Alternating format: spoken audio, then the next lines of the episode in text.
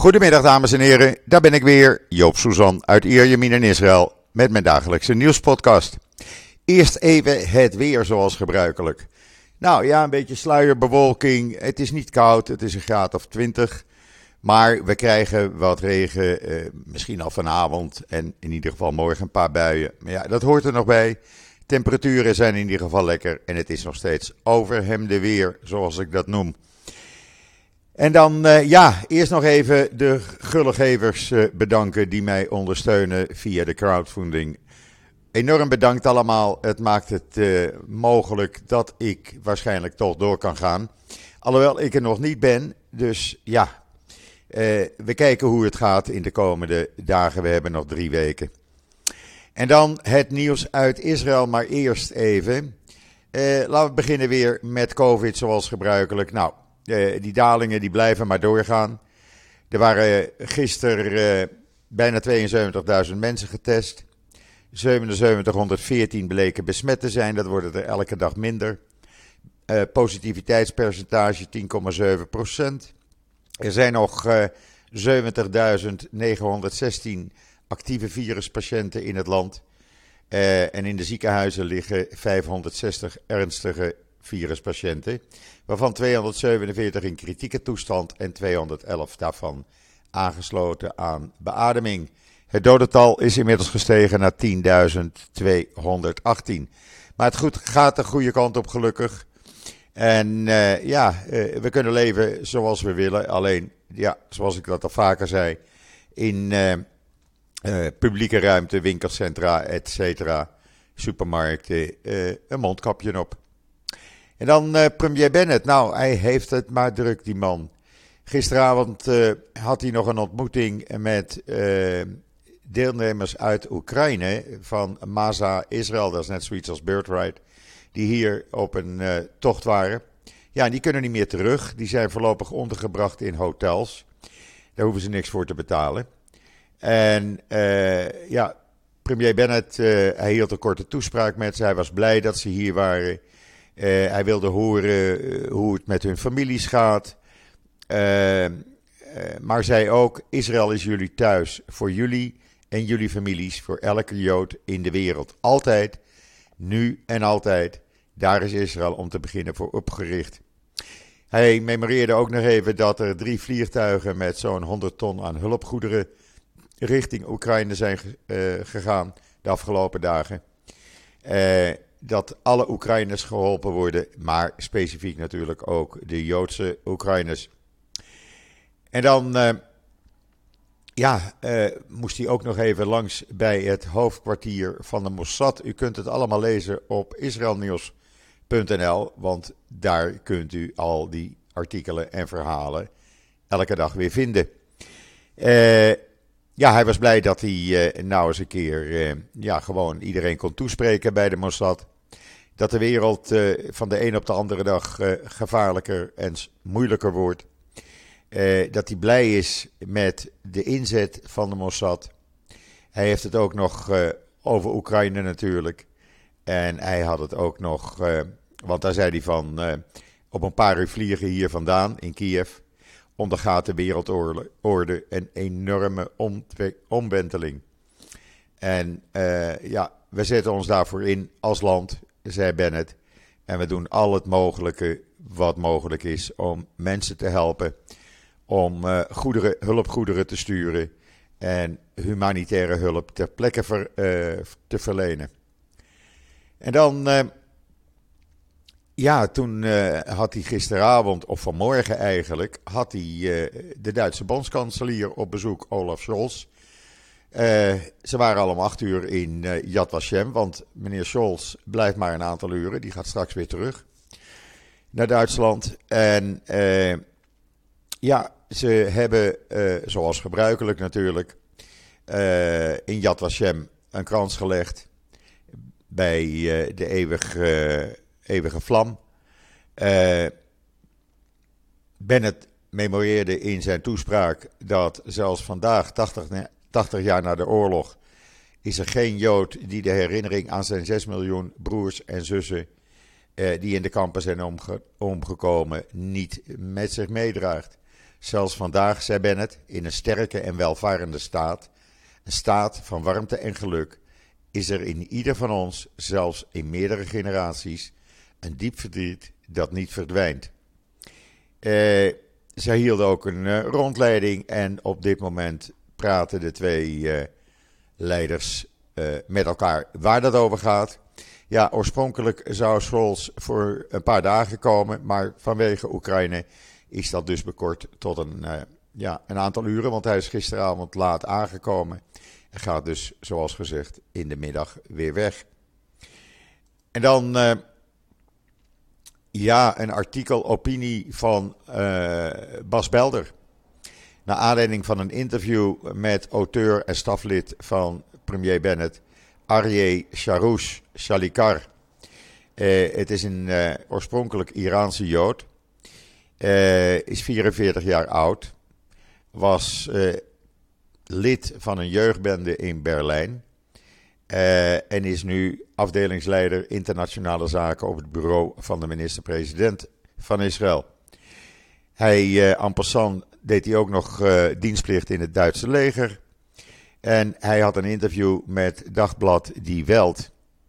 En hij zegt, ja, kijk, wat er nu in Oekraïne gebeurt, ja, het is, het is verschrikkelijk.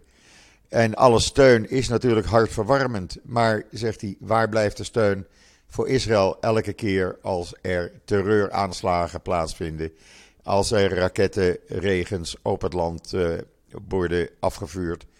Uh, ja, uh, Israël, wanneer Israël het slachtoffer is, zegt hij. Ja, zijn er niet van die grote solidariteitsbetuigingen. U kunt het hele verhaal lezen, zoals gebruikelijk, in Israël Nieuws. En dan UB Q uit Israël, die gaat duurzame pallets, pallets maken voor verzending en logistiek. Ze gaan dat voor allerlei grote bedrijven doen. Voor Nestlé, eh, voor PepsiCo. Uh, en dat is allemaal gemaakt van afvalstoffen. Zij uh, uh, maken op aardolie gebaseerde kunststoffen. nee, zij vervangen de op aardolie gebaseerde kunststoffen. En dit is allemaal milieuvriendelijk. Afvalstoffen die omgezet worden in een soort plastic. Eh, ja, waar je dus voor alles kan gaan gebruiken. Hartstikke goed. Goed voor het milieu. En uh, ja, weer een Israëlisch bedrijf. Wat het toch allemaal uh, enorm veel doet voor het milieu. En dan een onderzoek op uh, israelnieuws.nl over kinderen die moeite hebben met het herkennen van gezichten. Nu ja, zoveel mensen mondmaskers uh, dragen. En kinderen hebben daar grote problemen mee. Het hele onderzoek kunt u lezen op israelnieuws.nl. En dan ja, we hebben het allemaal gisteravond op televisie kunnen gezien. Die verschrikkelijke beelden toen die televisietoren in Kiev werd aangevallen. En er passant ook nog raketten vielen, bommen vielen op het uh, monument van Babi waar in september 1941 33.000 Joden werden vermoord. De Russen, ze hebben de maling aan. Ze uh, het maakt ze niets uit of het nou woonwijken zijn, of het nou kantoren zijn, of het nou een holocaustmonument is. Het moet allemaal tegen de vlakte. En Yad Vashem heeft een verklaring uitgegeven die u in zijn geheel kunt lezen op israelnieuws.nl waarbij ze de internationale, internationale gemeenschap oproepen om gecoördineerde maatregelen te nemen om zowel het leven van burgers als ook deze historische plaatsen te beschermen. Uh, Israël heeft bij monden van uh, minister van Buitenlandse Zaken Yair Lapid al bekendgemaakt dat zij uh, voor de schade zullen gaan betalen om het zo snel mogelijk, zodra dat mogelijk is, te kunnen repareren. Het is natuurlijk het is verschrikkelijk. Want er was ook nog een uh, bekende toprabijn uit uh, Kiev. En die is door uh, de geheime dienst van Oekraïne is hij het land uitgeholpen. Want Rabbi Jonathan Markovic die kreeg vanuit Rusland bedreigingen dat zijn leven niet meer veilig was. En dat ze hem als een van de eerste om zeep zouden brengen. Uh, ze wilden daar blijven in Kiev. Ze wilden de Joodse gemeente helpen. Ze wilden de inwoners van Kiev helpen. Uh, de Joodse kinderen, ze hadden in, uh, onder hun synagoge in de kelder, hadden ze 50 bedden, duizenden kilo's aan, aan voedsel, water, brandstof. Alles hebben ze daar opgeslagen. Tientallen mensen schuilen daar vanwege die bombardementen. maar ja, toen moest hij het land uit, want hij, zijn leven was in gevaar. het is dus duidelijk dat Joden niet meer veilig zijn. En daar komt bovenop dat de Oekraïnse opperrabijn heeft een uh, veroordeling, een vurige veroordeling uitgesproken tegen het Russische volk. En in het bijzonder de Russische Joden. Omdat Russische Joden en ook het Russische volk werkeloos blijven toekijken. Terwijl Moskou Oekraïne met de grond gelijk maakt. En hij begrijpt niet waarom iedereen zo stil is en zijn mond houdt. Is dat uit angst?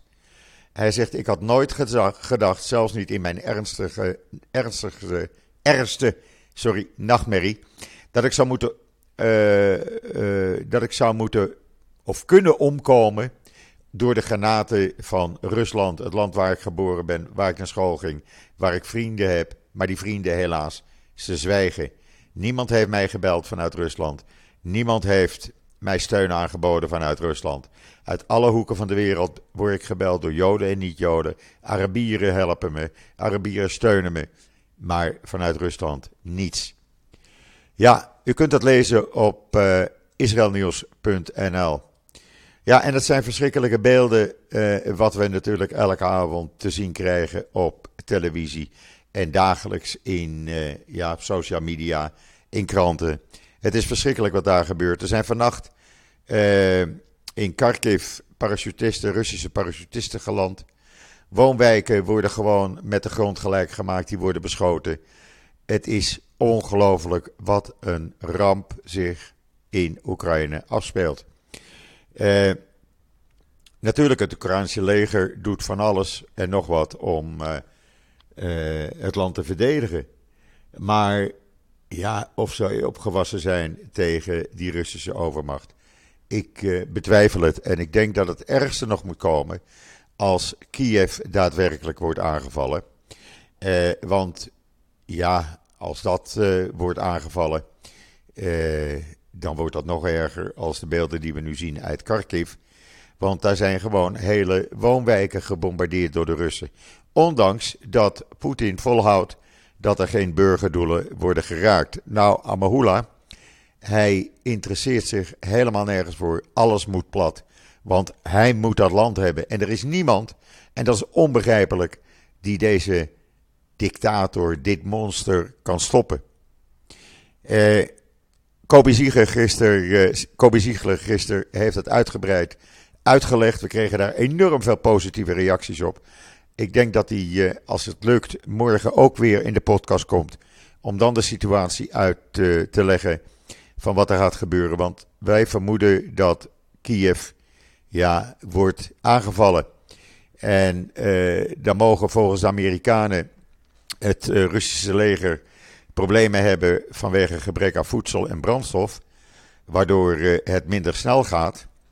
Ja, voor mijn part krijgen ze nooit meer voedsel en brandstof. Maar ja, eh, de verwachting is toch algemeen dat Kiev eh, het, krijgt, eh, het voor zijn kiezen krijgt. En dan ja, het Gesed-netwerk. Dat is een Joods netwerk die vanuit Amerika mensen helpt. Die blijven zorgen voor de meest behoeftige Joden in Oekraïne. Men laat ze niet alleen. Er zijn maatschappelijk werkers uit Amerika in Oekraïne aan het werk. Uh, er zijn Israëlische hulporganisaties, zoals ik gisteren al uitlegde. En mensen worden geholpen, mensen krijgen steun, mensen krijgen eten, mensen worden in veiligheid gebracht. Er is afgelopen nacht een groep van ruim 100 Joodse weeskinderen eindelijk de grens met uh, Roemenië overgebracht. Die hadden er een verschrikkelijke tocht op zitten. En die weeskinderen, ja, verwachting is dat ze nu naar Israël worden overgebracht en uh, hier dan in veiligheid zijn. Want het is natuurlijk verschrikkelijk wat je allemaal te zien krijgt en, ja, en mee moet maken. En, en ik zeg het nog maar eens een keer ten overvloede. We leven in 2022 en er is een oorlog in Europa. En dan mag de Verenigde Naties gisteravond, de algemene vergadering, dan de oorlog uh, veroordeeld hebben. Ook Israël heeft zich daartegen uitgesproken. Voor het eerst openlijk. Maar men deed het een beetje, ja, om de Russen niet helemaal voor de voeten te, of kwaad te maken, laat ik het zo zeggen. Heeft men de tweede, uh, de onderambassadeur, de toespraak laten houden in plaats van de ambassadeur. En die zei onder andere over de sterke betrekkingen van haar land met zowel Moskou als Oekraïne. En dat Israël bereid is om te bemiddelen. Ze herhaalde het nogmaals. Laat ons bemiddelen. We hebben goede betrekkingen met Oekraïne. We hebben goede betrekkingen met Rusland. Oekraïne wil het wel, maar Rusland voelt niks voor bemiddeling. En dan, uh, we zijn er nog niet hoor, want we hebben nog veel meer nieuws natuurlijk. Want Israël en Amerika hebben gisteren een nieuwe samenwerkingsovereenkomst afgesloten voor het aangaan van cyberbeveiliging. Uh, we weten allemaal, het hacken van internet, ja, het is aan de orde van de dag. En dat wordt steeds professioneler gedaan. En Israël en Amerika gaan nu samen ten strijde trekken en meer anti-hack maatregelen nemen. En er was er nog een uh, heel oud Russisch radiostation. En die had wat, ja, die bracht een verslag uit over wat er in Oekraïne daadwerkelijk gebeurt. En dat hele oude Russische radiostation is het zwijgen opgelegd. Want je mag geen kritiek hebben op uh, de Russische invasie. En je mag helemaal geen mededelingen doen over wat de Russen daar doen. Het blijkt wel, volgens Israëlische uh, berichten, dat uh, zo langzamerhand de Russische bevolking in de gaten krijgt wat er allemaal gaande is, wat zich afspeelt in Oekraïne. En ja, men gaat dat ook voelen. De roebel is uh, bijna niks meer waard. Die uh, blijft kelderen. De aandelenbeurzen zijn dicht. Goederen, nieuwe goederen komen niet meer het land in. Marsk, de grootste containervervoerder, heeft zijn activiteiten gestaakt richting Rusland. Vliegtuigen kunnen nergens meer heen. Want Russische vliegtuigen worden nu ook in Amerika vanaf vanmiddag geweerd. Mogen niet meer door het luchtruim. Dus ja, uh, men gaat het merken. En ik hoop van harte dat die Russische bevolking. Uh, ja, echt uh, opstaat tegen deze dictator.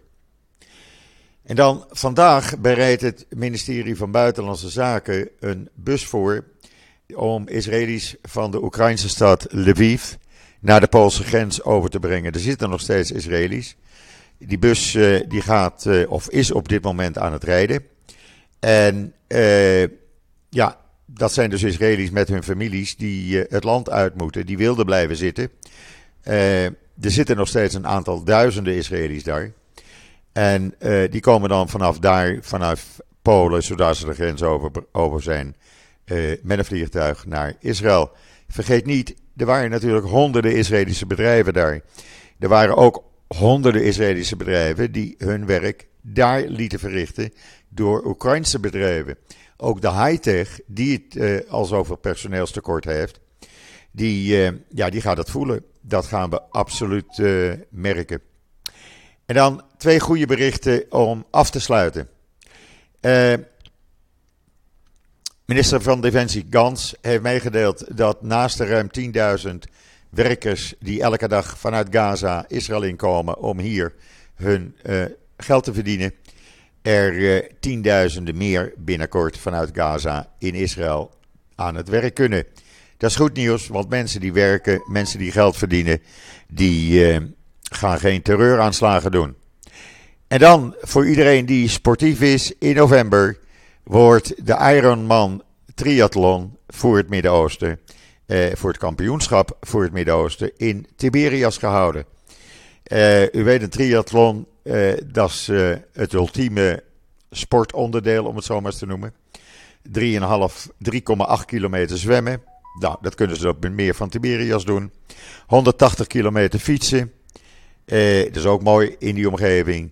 En dan nog 42,2 kilometer rennen langs de oevers van het meer van Tiberias.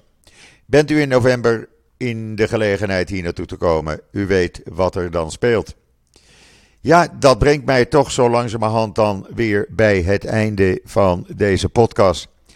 Als u wilt weten wat er gebeurt in Oekraïne, op Twitter post ik zoveel mogelijk uh, uh, nieuws uit Oekraïnse bronnen, geverifieerde Oekraïnse bronnen, Oekraïnse dagbladen. Uh, en vanuit de hele wereld eigenlijk correspondenten die dat doorgeven. Ook Harald Doornbos, waar ik inmiddels een hele vriendschappelijke relatie mee heb gekregen die woont in Dubai. U weet, Harald is eigenlijk oorlogsverslaggever. Hij heeft toen de Jugosla Joegoslavië-oorlog uh, verslagen. Uh, Harald is naar Kiev gereisd. Hij zit nu in Kiev en ik retweet zijn berichten ook door. Mocht er iets heel belangrijks zijn, dan zet ik dat ook op Facebook. Goed, brengt mij tot het einde van deze podcast op woensdag 2 maart. De zevende dag van oorlog in Europa. Ik wens toch u allemaal een hele fijne voortzetting van deze woensdagmiddag. Ik ben er morgen weer en zeg zoals altijd: tot ziens, tot morgen.